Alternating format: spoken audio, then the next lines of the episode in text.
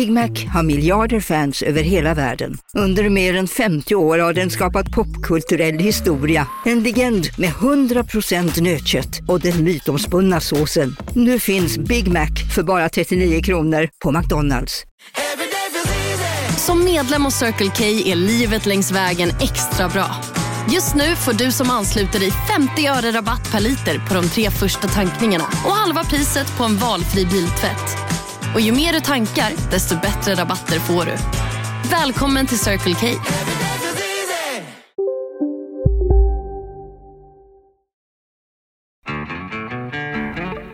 Lördagsgodis med Elving och Ringart.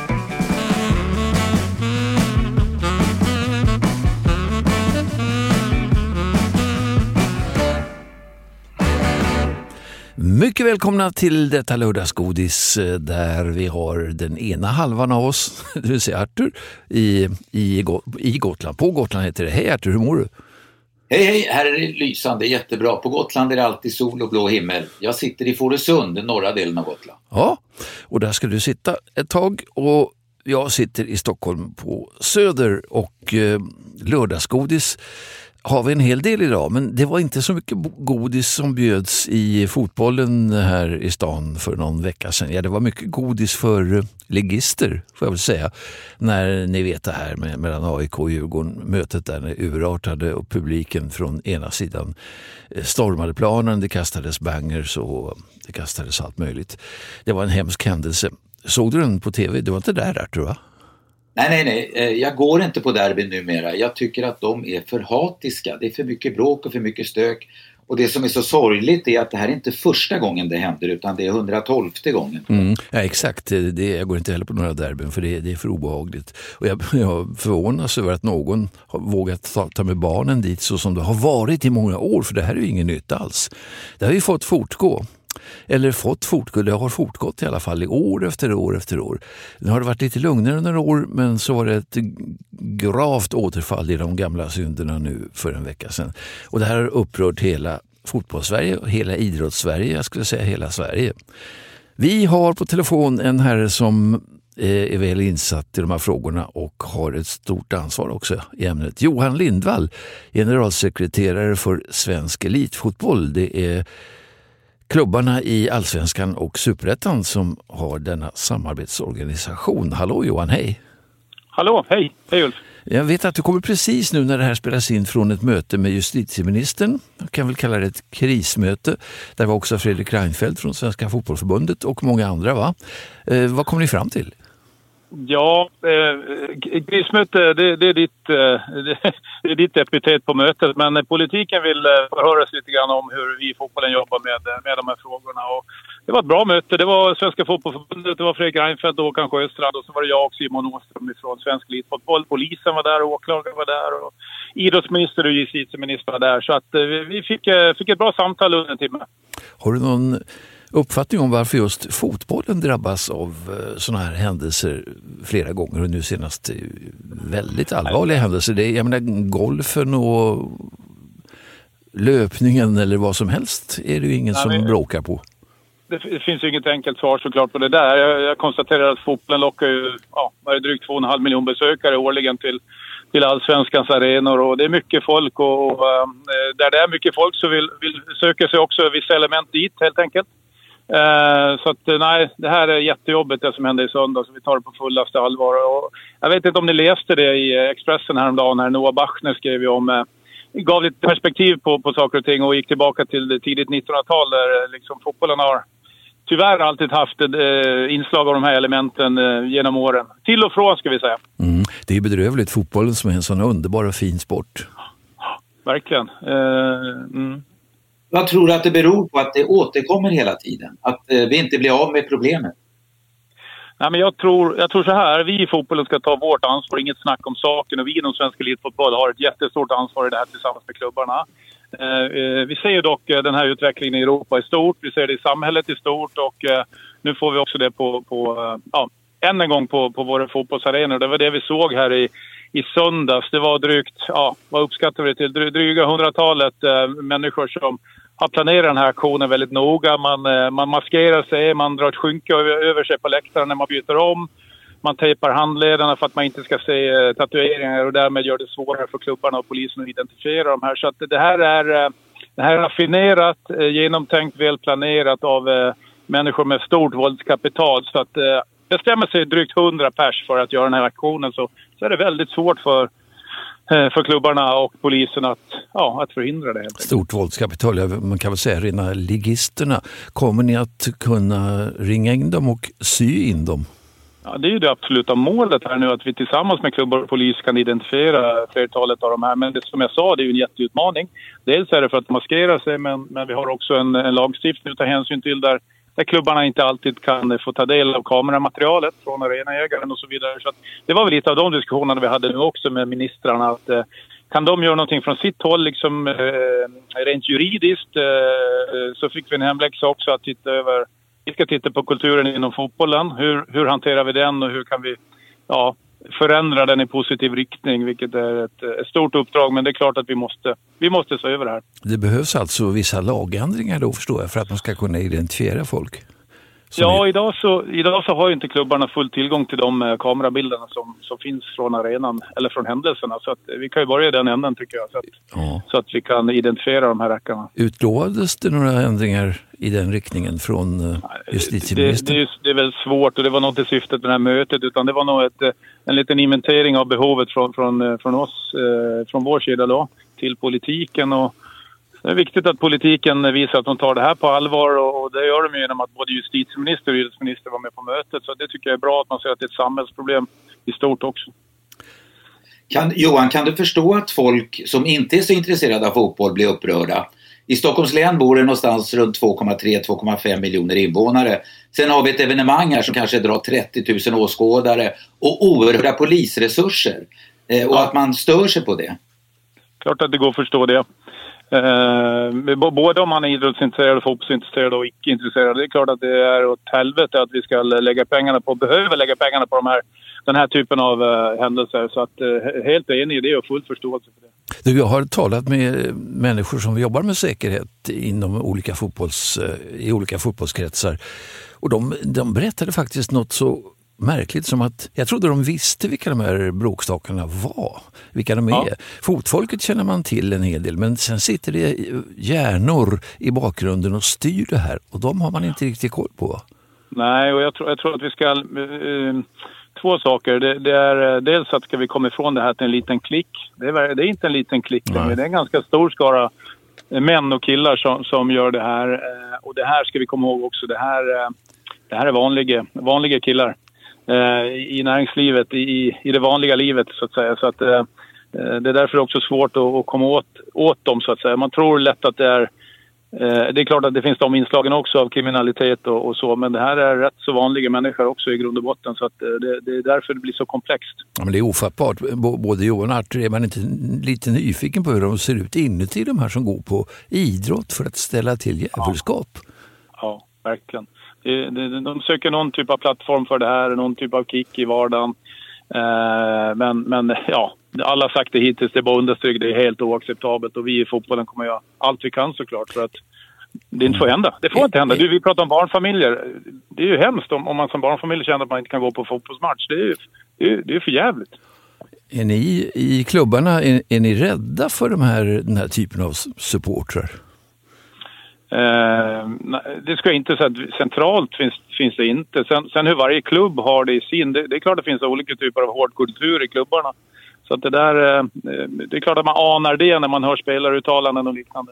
Ja, de var ju bedrövliga. Vissa uttalanden var att man måste förstå supporten och så vidare. Så det, det är ju fullständigt Vi som jobbar inom fotbollen professionellt, dagligen, spelare, ledare, vi centralt, tjänstemän och så vidare. Vi måste ta kraftigt avstånd alltså när vi får chansen. Eh, då, vi måste, det, finns, det finns bara en röst i det läget. Och det är inte de spelarna som vi hörde där. Artur, du, du ville komma in där. Nej, men jag tänkte på spelarna kanske är rädda för att säga precis det du vill att de ska säga, Johan. Ja, men det, det, är inte otänkbart att det är så. Uh, vi, vet, eller vi vet inte, men man kan ju ana vad det här är för typ av människor också som, uh, som, uh, som styr det här så att säga, i bakgrunden. Mm. Det, det, är, um, ja, det är ingen lek. Eh, jag vet inte exakt vad man har gjort i England, men i England lär man, man ha kommit till rätta med det här problemet som man hade i nästan ännu högre grad än vi har nu tidigare. Vad har man gjort och är det någonting vi bör ta efter? Ja, men, eh, man lyfter ofta, ofta England som ett gott exempel. Jag tror att de har gjort mycket bra och jag tror att de har skärpt straffen framförallt ordentligt. Mm. Eh, eh, men, men vi ska, jag är lite för dåligt insatt exakt i vad, hur de har gått tillväga. Jag hör också röster, röster som säger att, att allt har inte varit jättebra på Eng i England. Mm. Eh, så att vi, vi ska såklart ta till oss av de goda exemplen runt om i Europa eh, i det här när vi jobbar med vårt. En annan sak som jag vill få, få berätta också det är ju att vi, vi tittar också på idag är straffskalan ganska...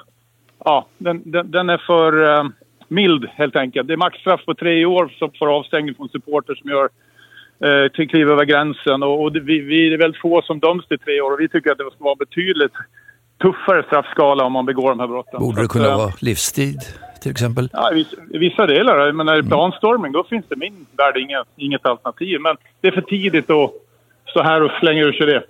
Mm.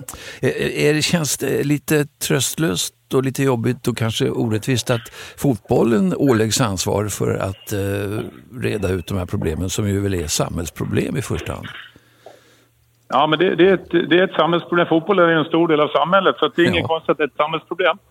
Eh, tröstlöst? Nej. Nu är jag rätt ny på jobbet, tredje veckan. Mm. Men eh, eh känner en enorm energi att vi ska ta steg framåt i den här frågan. Så att, eh, nej, frågar du mig så, så är jag inte luttrad ännu, utan jag eh, ser jätteallvarligt på det här. Ja, det är bra. Hörru, Artur, är det något mer du vill fråga Johan innan vi släpper iväg honom? Jag vet att han har lite brådis. Ah, nej, nej, nej. Ur askan i elden, eh, Johan. Lycka till med jobbet. Ja, lycka till. Det här är ju en tillvaro som är lite, inte lika lugn som den du hade som ordförande i Visby golfklubb, va? det, är, det, är lite, det är lite andra frågor på bordet. Jag kan tänka mig det. Ja, Tack ja. för att du var med i Lördagsgodis. Lycka till Tack som sagt med allt. Hej då. Ja, det var intressant Artur. Vad tog du till dig av det här? Ja, det intressanta var ju att de uppenbarligen vill få till en lagändring för att kunna identifiera de huliganer som mm. Eh, bråkar och ja, det måste ju till. Det måste ju till. Eh, för det måste de ha för att kunna eh, se till att de inte kommer in på arenorna. Samtidigt så vill de ha ordentliga straff också, livstidsstraff, det vill säga att de är avstängda från all fotboll på livstid om de springer in på plan.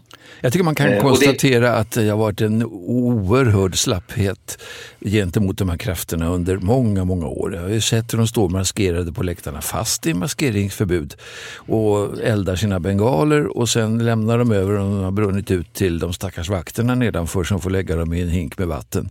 Det, det ser nästan ut som ett samarbete.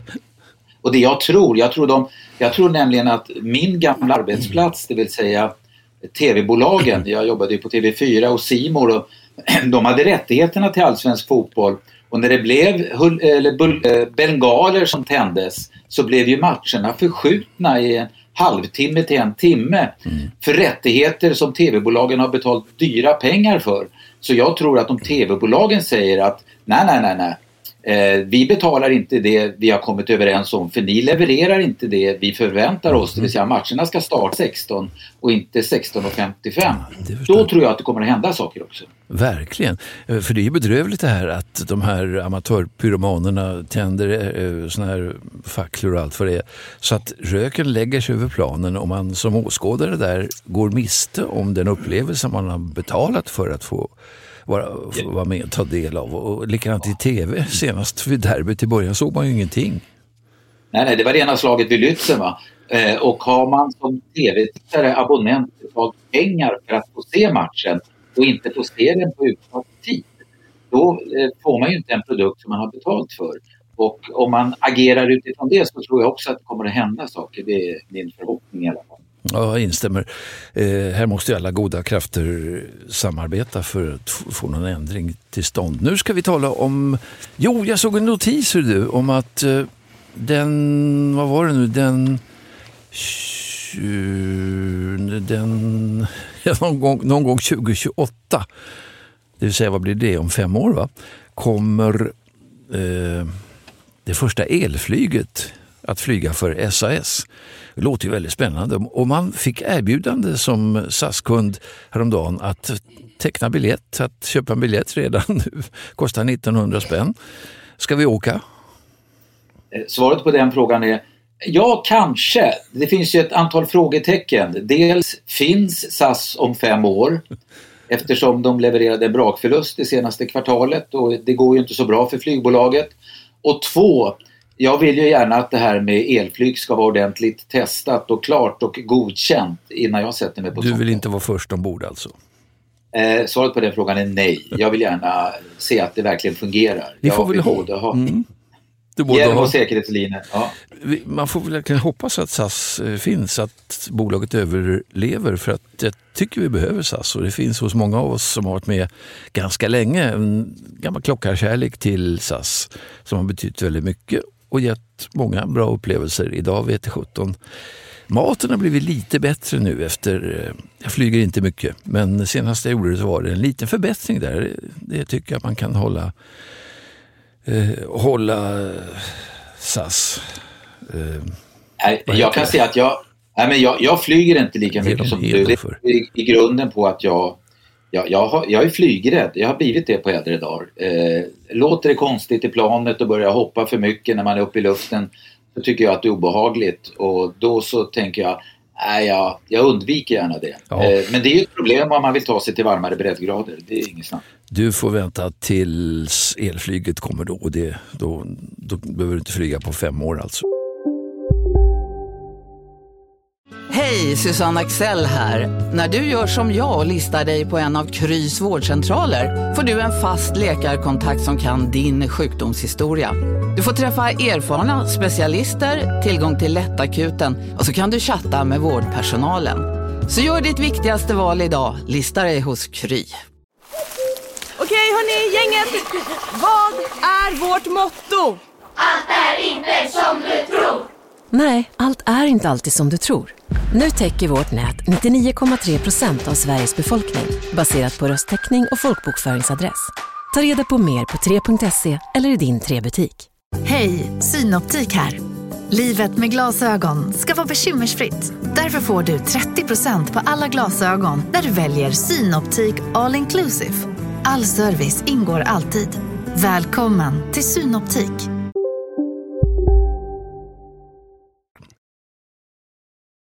Nu vet jag att du vill tala om eh, en viss form av journalistik som är mycket vanlig.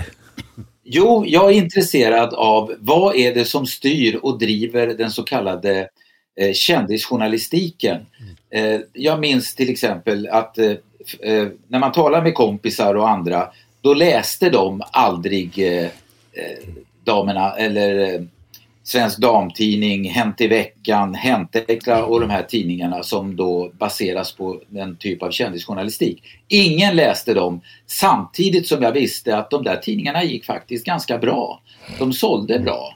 Eh, Så att det var en ekvation som inte stämde. Nej, så många Eh, frisörsalonger eller frisersalonger fanns det ju knappast så att, utan de köptes nog ganska flitigt då. Vi kan höra hur det är nu och vad, hur den här journalistiken ser ut idag. Välkommen Leif Schulman. Tackar, tackar. Branschens veteran får jag väl säga. Ja, jag vet inte, nog få kvar sedan 70-talet i alla fall tycks det som. Ja. Vill du presentera dig själv lite närmare och berätta om din karriär? Ja, Leif Schulman, eh, ja, halvbror till den mera kända Alexander och eh, son till Allan Schulman som ju var en känd tv-producent. Eh, jag kom in i journalistiken runt 1973 eh, och kom till Hänt i veckan 77 ehm, som eh, sommarvikarie men blev sen fast anställd vid 1981 eller så, 80.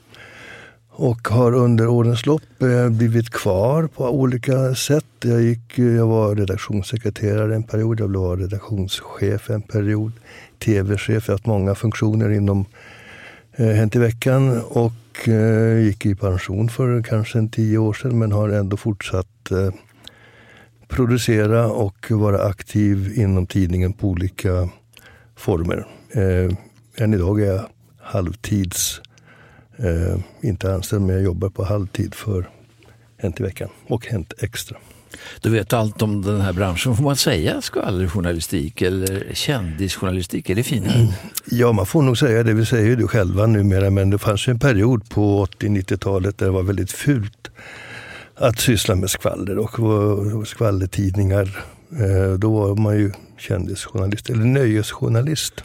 Ja, det kanske är en bättre sammanfattning från din perspektiv i alla fall. Om du är branschens nestor så har vi branschens stjärnskott med oss nu i telefonen. Anna Shimoda, hallå, hej! Hallå, hallå, hej på er. Trevligt att du vill vara med här. Du och din man Hans, ni gör ju, ni skapar ju löpsedlar och helsidor i Aftonbladet titt som tätt. Ja, roligt nog har det blivit så. Men det är fantastiskt kul. Hur då menar du? Ja, men som journalist, Eh, som man journalist så är det ju lätt så att alltså man får ju vittring. Får man vittring på en nyhet så är det ju helt fantastiskt om det går i lås. Eh, och speciellt också om man, ibland kan ju vi få en idé att fan det här är en riktigt bra nyhet. Det här borde vi göra så och så och det kan i sin tur kanske rendera ett löp. Och så blir det precis så som man kanske har tänkt sig i huvudet. Det är ju en, det är en härlig arbetsseger. Känner du Leif? Är ni, är ni en liten, mycket nära, eh, ett litet, mycket nära gäng, gäng i branschen? Ja, vi känner Ja, varandra mycket väl. Ja, absolut. Jag och Leif, ja. ja, herregud. Vi känner varandra och har jobbat ihop och skålat ihop. Dessutom känner ni förstås alla, alla så kallade kändisar då. Eh, hur är de att jobba med generellt? Ja, Generellt sett så är de flesta ju jättetrevliga. Sen är det som vi alltid har sagt att just den här kontakten man har fått med folk, eh, den är ju ovärderlig. Och, det är ju vi, och många kan ju tycka att jag och Hasse springer ute var och varannan dag och det stämmer. Det, gör vi. Eh, men det gör vi väldigt gärna. Men det gör ju att det byggs upp ett kontaktnät som är ovärderligt. Om jag till exempel ringer en känd person, vad det än må gälla, så kan jag säga tjena, det är Anna Shimoda. Och de tjena, hur är läget? Än att jag säger ja, hej, jag heter det och det och jag ringer från den och den tidningen. Då blir det ju inte det här äh, mjuka direktheten. Men några måste ni väl ha retat upp Leif, du, inte minst under din långa karriär. För det är en ganska provokativ journalistik där ni skriver om kärleksrykten och skilsmässor och sånt som kanske inte alla vill att Ja. man ska berätta om. Det ligger ju i sakens natur att om- är man eh, kändisjournalist så är det ju eh, kändisarnas privatliv det handlar om eh, för vår del. Och eh, de är väldigt måna om att dela med sig av det när det går bra. När det är bröllop och baby och så vidare. Men det är inte lika välvilliga när hjulet snurrar åt andra hållet. Förstås, av förståeliga skäl. Men, men då har de liksom lärt publiken eller ställt upp för publiken och gett publiken en del av sitt liv. Har ni båda några fiender, några som absolut inte vill prata med er? Oh ja, det finns väl många säkert. Vad säger du Anna? Ja, det är klart det finns. Men nu försöker jag komma på någon namn här på rak arm. Det kanske man inte ska namedroppa i och för sig. Men det är klart att det, det finns några som, man, som det kan gnissla med. Och ibland förstår man varför, för det är kanske något som sträcker sig jättelångt tillbaka. Men det är också fall där vi absolut inte fattar någonting. Artur, jag vet att du har en fråga om, om, eh, om detta. Jag, jag tänkte kolla, vad är en kändis? Vad, vad är det som definierar kändis i era ögon? Ja, Ska jag eller du börja, Leif? jag, kan väl, jag kan väl börja med en, rent generellt är väl en kändis en person som inte behöver presentera sig själv. Eh, är man riktigt känd så räcker det med att presentera sig med namnet. Är man superkänd så räcker det med förnamnet. Är man halvkänd så måste man ha ett prefix, Robinson XX eller någonting sånt. Men det är i grova drag så som eh, kändisar kan definieras. Mm. Ja, det var väl en utmärkt beskrivning. Jag tänker också att det har ju förändrats också en hel del genom åren. Förr om åren så var det ju, om jag ska låta som en inskränkt gubbe här, vilket jag är i en kvinnokropp, så var ju kändisar skulle ju vara det skulle ju vara, man var artist, man var skådespelare och så vidare. Nu kan man ju bli kändis av att ha en jävla Youtube-kanal där man har massa tittare. Och vi är ju, både jag och min man får ibland höra när vi är på olika röda mattor, ni måste ta en bild på den personen för hon har hundratusen på TikTok och vi bara, men vad fan.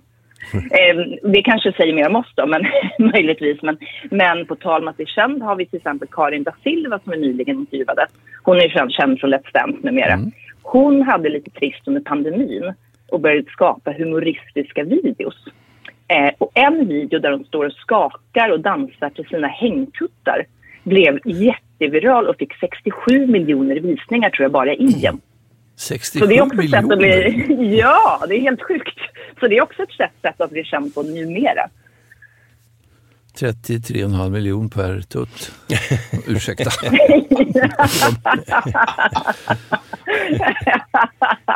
Exakt. Men den här nya kategorin kändisar, det går ju väldigt fort framåt och uppåt för en del. De, de blir kända över en natt. Är, är det någonting som märks på deras sätt att vara? Att det har gått för fort Ah. kanske ibland? Ja, det kan nog Anna svara på. Ja, ja, absolut. Verkligen inte i alla fall, men det finns ju många som till exempel, man slår igenom, säg Idol till exempel, slår man igenom där och sen så får man det som så fint heter hybris. Eh, och så vet ju vi som intervjuar folk dag ut och dag in, så tänker man, men suck, ja, ja, nu kommer han ha hybris om ett år och sen kanske han lugnar ner sig. Och mycket, många fall så är det så. De är lite odrägliga i början och lite småkaxiga och dryga. Och sen så har vi också de här äldre kändisarna som är hur trevliga som helst. De har lärt sig. Artur, läser du Ja. eh, de här tidningarna annat än hos frisören? Nej, eh, nej, men det är där de finns. va. Jag, jag tillhör inte de som prenumererar. Men, men jag reagerar ju på vissa rubriker. Och jag säger att ni är ganska duktiga på att sätta rubriker som lockar till läsning. Men det är inte alltid det finns täckning i texten för de rubrikerna. Eh, och då säger jag, är det så? Jag känner mig träffad. Nej, eh, Jo, ett exempel, till exempel Silvia lämnar kungen. Då skulle hon resa bort på semester en vecka eller om hon skulle bara gå ut med soporna. Jag vet inte. Ja, men det, men det där är ju ett, det där är ett grepp som är, framförallt även kvällstidningarna och alla som är på nätet som för att få klick använder sig av. Och det har vi använt av i alla år. Eh, alltså, det finns täckning för allting vi har i rubriken, då finns det täckning i, i texten. Eh, det är bara det att man plockar bitar ur texten så att den passar till någonting som kan kanske förleda läsarna att tro någonting helt annat. Men eh, allting som vi skriver finns det täckning för och alla rubriker vi har finns med i, i texten. Så att det är liksom det är aldrig något påhitt, aldrig något ljug utan det är liksom det finns, finns ju pressetiska regler också som styr det. Kan man säga att det finns någon sorts inofficiellt kontrakt mellan er och läsarna? Att de, alltså, de vet att rubrikerna ibland är väldigt Så är hårdragna. de har ju lärt sig koden, de har lärt sig knäcka koden. De, de är oftast, hör oftast i triumf av sig och, och eh, talar om vad vi har menat. För att de har liksom insett. eh, Men det är liksom ett spel. Det, de eh, kanske oftast tittar i tidningar för att se vad har de hittat på nu och hur ska jag liksom klura ut det här. Men, men eh, 80 procent av det vi har är ju liksom rena kändisnyheter och sen, sen eh, gäller det då att få läsarna att eh, bli lockade av att eh, köpa tidningen. Det är så enkelt. Fi- Finns det eh, skvall, skvaller eller kändisjournalistik som ni känner till och som ni inte skriver om? Någonting som har hänt eller någonting ni vet men ni avstår för att publicera det? Ja, massor. Det finns ju hur... Ja, ja, ja. ja. Man sitter inne på en rejäl eh, bank med eh, skvaller. Men det är ju så att vissa grejer vet man ju om man skriver inte. Och vissa kanske man tänker att det här kanske man kan skriva om, men det, men det blir för känsligt. Och det är ju också så att numera så har ju journalistiken utvecklat sig, i alla fall på kvällstidningarna, att vi kan ju knappt skriva om, säg att någon får barn, vi kan ju knappt skriva om, om nyheten utan att alla ska nås, alla berörda parter ska nås. Eh, Vi får fråga om vi ska låna bilden på Instagram. Alltså det har blivit väldigt förändrat mot vad det var tidigare. Mm. Leif, sitter du på information om en massa vänsterprassel till exempel som du inte skriver? Eller, sku, Ja, eller men skriver det, om där sånt? är ju, det där är ju någonting som alla kändisjournalister gärna liksom skryter med, fast det är inte riktigt kanske alltid så. Men, men jag vet ju till exempel min gamla kollega, en legendarisk eh, kändisjournalist, Henry Sidoli, som dog för massa år sedan. Han, han hade planer på att göra, skriva en memoarbok. Och han hade fallit en bra titel som skulle heta Du skriver väl inte det här va? Och eh, tyvärr fick han aldrig tillfälle att skriva den här boken. Han eh, avled innan dess. Men eh, det, det är liksom ganska talande titel på en kändisjournalists memoarer. Har du också Anna fått sådana förtroenden? Ja, oh ja. Jag fick höra ett jättejuicy skvaller bara i veckan. Eh, som... Eh, nu spetsar vi öronen. Men det är också därför det finns de här så kallade nej, tissel och tassel. Det finns ju fortfarande i Hänt Extra. Va? Mm. Där har vi ju en så kallad APA, alltså apnotisen där, som är eh, anonyma skvaller, eh, skvallernotiser där man inte namnger folk, för att det går helt enkelt inte. Uppgifter som man inte står för riktigt utan man, man släpper ut dem ändå. Ja men, ja, men man skriver ju inte att någon har varit otrogen mot någon. Det gör man ju liksom inte. Det är men, inte man, men man kan riktigt. antyda det alltså, menar du? Utan att nämna Hur då namn. menar du? Ja, ja. Ja, alltså man kan ju skriva den kända artisten sågs kuckelura med en blondin på, ute på stan i helgen. De hade bara ögon för varandra. Hörrni, och hemma satt en fru, fru och väntade. Nej, men, Ja. Ska man skriva? Varför ska man skriva det? Vad är den här journalistiken bra för egentligen? Ja, det är ju folk, eh, folk, folk är ju naturligt nyfikna. Eh, förr i världen, eh, runt sekelskiftet eller långt innan dess, så samlades ju byborna runt, på söndagarna runt på kyrkbacken. Och där utbytte man vad som hade hänt under veckan med ortens befolkning.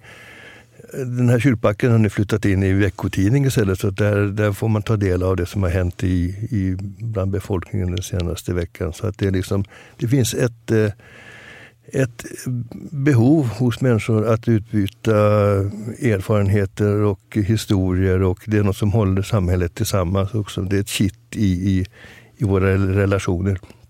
En del kanske tycker det är obehagligt att få, när, om ni ringer upp, och, men medan andra, ja finns det andra som jagar er nästan för att få komma i tidningen? Jo, men det, i vårt fall händer det relativt ofta att folk hör av sig och eh, tipsar oss om att jag ska göra det och det, vill ni skriva om det och det? Det händer väldigt ofta. Eh, och sen när det vad gäller att man ringer folk så gör vi det också hela tiden. Och det är klart att det är roligare att ringa någon som ska gifta sig och fråga hur det känns än att ringa upp någon som ska skilja sig och fråga hur känns det här? Det är inte lika skojigt, varken för mig som journalist eller för personen i fråga. Kanske inte så roligt för läsarna heller egentligen. Och läsa om Ja. skilsmässor, jag vet inte. Det var bara... Å andra sidan så skulle man ju inte heller kunna bygga upp journalistiken och bara skriva när solen skiner. Nej, det är sant. Mm, nej. En annan stor förändring inom just journalistiken, kändisjournalistiken, det är ju den att idag är det ju kändisarna själva som styr eh, innehållet, eh, utbudet och nyheterna. Eh, först genom, förr i tiden genom bloggar och numera genom TikTok och Instagram och eh, Mm. alla stora eh, stora nyheter vad gäller till exempel både skilsmässor och BB-nyheter och bröllop. Det kommer ju det är ju från kändisarna själva direkt i första hand. Mm. Ja, det kan ju också... Eh, alltså man, är det någon som säger, säger inte gillar oss, till exempel. Nu hoppas jag det inte är så, men om det skulle vara så vi ringer upp och bara... Eh, vi har hört att ni ska flytta ihop eller något annat. Då kan ju de döda nyheten så att säga och lägga ut det på Instagram. Men det är också många gånger så att vi har, har vi fått nys om något så kan vi ringa upp personen. Och då när man har de här bra kontakterna, då kan man ju också säga Fan, kan du vänta med att lägga ut ett inlägg för till vår artikel har publicerats? Och det är många som är jätteschyssta och går med på det. Mm. Artur, någonting mer du vill veta från den här branschen? Nej, Eh, nej, nej, jag- jag Eller vet du bidra också- med något skvaller bort ifrån Fårösund? jag kan säga, solen skiner. Duger det? nej, nej, men jag vet ju att eh, Leif har ju varit länge i branschen och eh, du håller på med någon bok också eh, som du tänker publicera så småningom. Ja, det stämmer. Jag, jag har um, under alla mina år, det är nu uppe som sagt var drygt 40, sedan 77, eh, i min egenskap av reporter och eh, redaktionschef och allting, varit bjuden på de flesta kändisfester eh, i, i, i Stockholm. Och jag hade för vana att eh, spara alla inbjudningarna och under årens lopp till slut visade det sig när vi hade en stor renovering hemma att det låg skokartonger överallt. Till slut var det när jag räknade efter runt 2000 inbjudningar från olika fester. Eh, då föddes idén att eh, plocka ut en eh, hundratal av de här 2000 inbjudningarna eh, och eh, ta inbjudan och sen går man tillbaka till tidningen och tittar hur de såg ut, vimmelreportagen i tidningen och gör man en liksom facsimil på det uppslaget. eh, tar med inbjudan, skriver en text, eh, minnen från den festen och kompletterar med några bilder ur bildarkivet. Så har man en kavalkad av kändisfester under eh fem decennier helt enkelt från 70-talet fram till 2020-talet. Och, eh, det blir en kavalkad över både festerna, hur de såg ut, vad hade folk på sig, vilka var kändisar, vad åt man, vad, vilken typ av fester var det. Det finns alla typer av fester, alla typer av inbjudningar. och eh, eh, Ja, så det kommer att komma någon gång nästa, nästa år. Är det några som ska bäva inför den bokens utgivning? Eh, nej, tvärtom. Det här är en bok alla ska glädjas åt och se fram emot att eh, bläddra i. Och har redan vidtalat eh, Mikael Bindefeld att medverka i boken och han ställer välvilligt upp till detta. Det var trevligt Leif, att ni... Ja, förlåt? Jag måste bara, Leif, jag måste bara fråga, hur surt känns det inte då att inbjudningarna numera nästan aldrig är fysiska? Nej, precis exakt. Det är ett uh, skyffelse. Alltså, Men det kom ett mejl. inbjudningarna förr var ju liksom, kunde vara från 90-talet framåt. De kom med stora paket, små silverinslagna mm. papper med en liten glasskiva eller var någonting sånt. Eh, det var liksom en fröjd bara att sitta och titta på själva inbjudan. Det var ju en del av festen. Man kom ju direkt i rätt feststämning därför att inbjudan var så lockande. Och idag kommer de på mejl.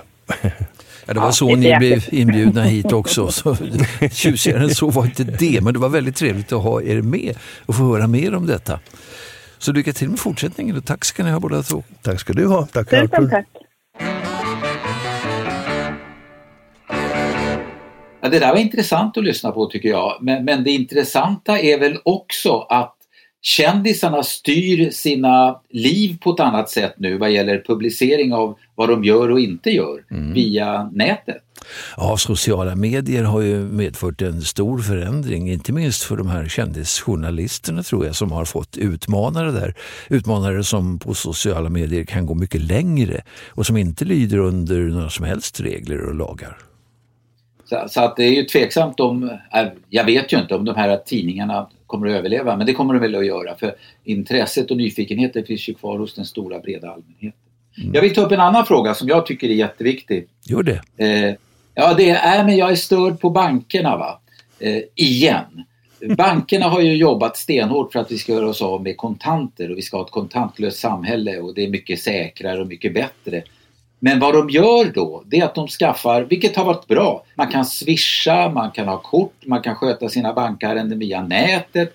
Eh, och, det, och det är bra funktioner men de tar betalt för också. Jag noterade nu att jag plötsligt har ett vardagspaket från min bank som heter Nordea och där tar de 29 spänn i månaden av mig och det blir ungefär 360 kronor per år som jag då tycker är en smygavgift för bankerna tjänar redan bra med pengar på mig. De har mitt sparkapital, de ger mig dåliga räntor på det jag sparar så de kontrollerar det här penningflödet och så ska de dessutom plocka pengar från mig och jag stör mig på det för att bankbranschen är ingen bransch som går direkt dåligt. De tjänar ju jättemycket pengar. Ovanpå det så vill de sno en pensionär på 29 kronor i månaden mm. för en tjänst som de själva har sett till att de har skapat. Det, är det klart tycker att, jag är... Det tycker du är hemskt. Jag tycker att man, folk ska ha betalt för arbete de utför men man ska nog ha ett öga, öga, öga på bankerna och alla deras avgifter. Det, det har du säkert rätt i. Ja, men när jag swishar, det är ju bara datorer som gör jobbet. Jag fattar inte varför de ska ta betalt av mig för det. Jag gör inte det. Ja, får fråga dem det. Nästan, jag ska sluta swisha. Nej, det kan du inte. Nej, jag vet, jag har blivit beroende av det va? eftersom det är ju knappt någon som tar kontanter längre. Nej. Men bankerna har varit väldigt bidragande till det för att kunna tjäna pengar på ett annat sätt på mig och, och det är irriterande. Då fick det pysa ut från dig. Ska vi titta framåt lite nu då mot veckan? Vad är det som händer? Jo, det är ju nationaldag snart. Yes! Det som förut hette svenska flaggans dag är ju Sveriges nationaldag nu. Eh, eh, vad ska du göra? Vet inte faktiskt. Vad betyder den för dig? Den betyder att det är en dag att fira att man är svensk och att Sverige finns. Och jag, vi, vi har gjort så att vi, vi ska ha en eh, helsvensk lunch. vi har bjudit några vänner och det blir ett stort sillbord med 70-12 000 olika sorters sill. Med nubbe och med kall öl och så med en svensk flagga i trä på bordet. hur, dags, hur dags får man komma? Nej, men du kan dyka upp lite före för du kan hjälpa till med käket, du är bra på det. Du, en allvarligare fråga är alltså, kan man ställa, som man kan ställa är, är det, är det bra att piska upp nationalistiska stämningar väldigt mycket i dessa tider av konfrontation och segregation? Då skulle jag säga att det finns grader i helvetet. Va? Att heja på Sverige när vi spelar fotboll eller ishockey eller vara stolt över att man är född i det här landet och tycker att det här landet är bra. Det är inget fel i det. Men om det tar sig eh, överdrivna yttringar då man säger att de som inte tycker som jag är dumma i huvudet och de som inte har samma bakgrund som jag men ändå är svenskar, de har, ingenting, de har inte rätt att vara här. Då har det ju slagit över. Va? Men, men man kan ju vara normalsvensk när eh, barnen i skolan sjunger vackra sommarsånger på nationaldagen då, då blir man ju nästan tårögd. Vår lilla, vårt lilla barnbarn Penny, nyss fyllda sju år, ska sjunga på eh, på torsdag va? Och, eh, men hon har fastnat lite i den där versionen, du gamla, du fria, du smällfeta ko och så vidare. Men hon lovar att inte sjunga den på själva nationaldagen. Ja, den sjöng man när man var något yngre. Ja, ja nej, men vi ser fram emot det. Vi önskar alla en trevlig nationaldag och en fortsatt skön sommar. För det är väl sommaren som har börjat i alla fall, hoppas vi. Ja, ja de säger det. Ha det bra på Gotland, ha det bra överallt var ni nu befinner er och hej så länge! Hej hej!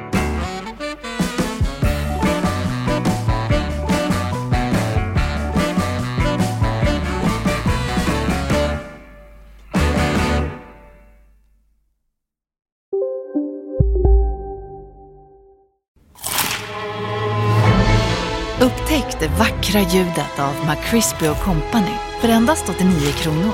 En riktigt krispig upplevelse. För ett ännu godare McDonalds.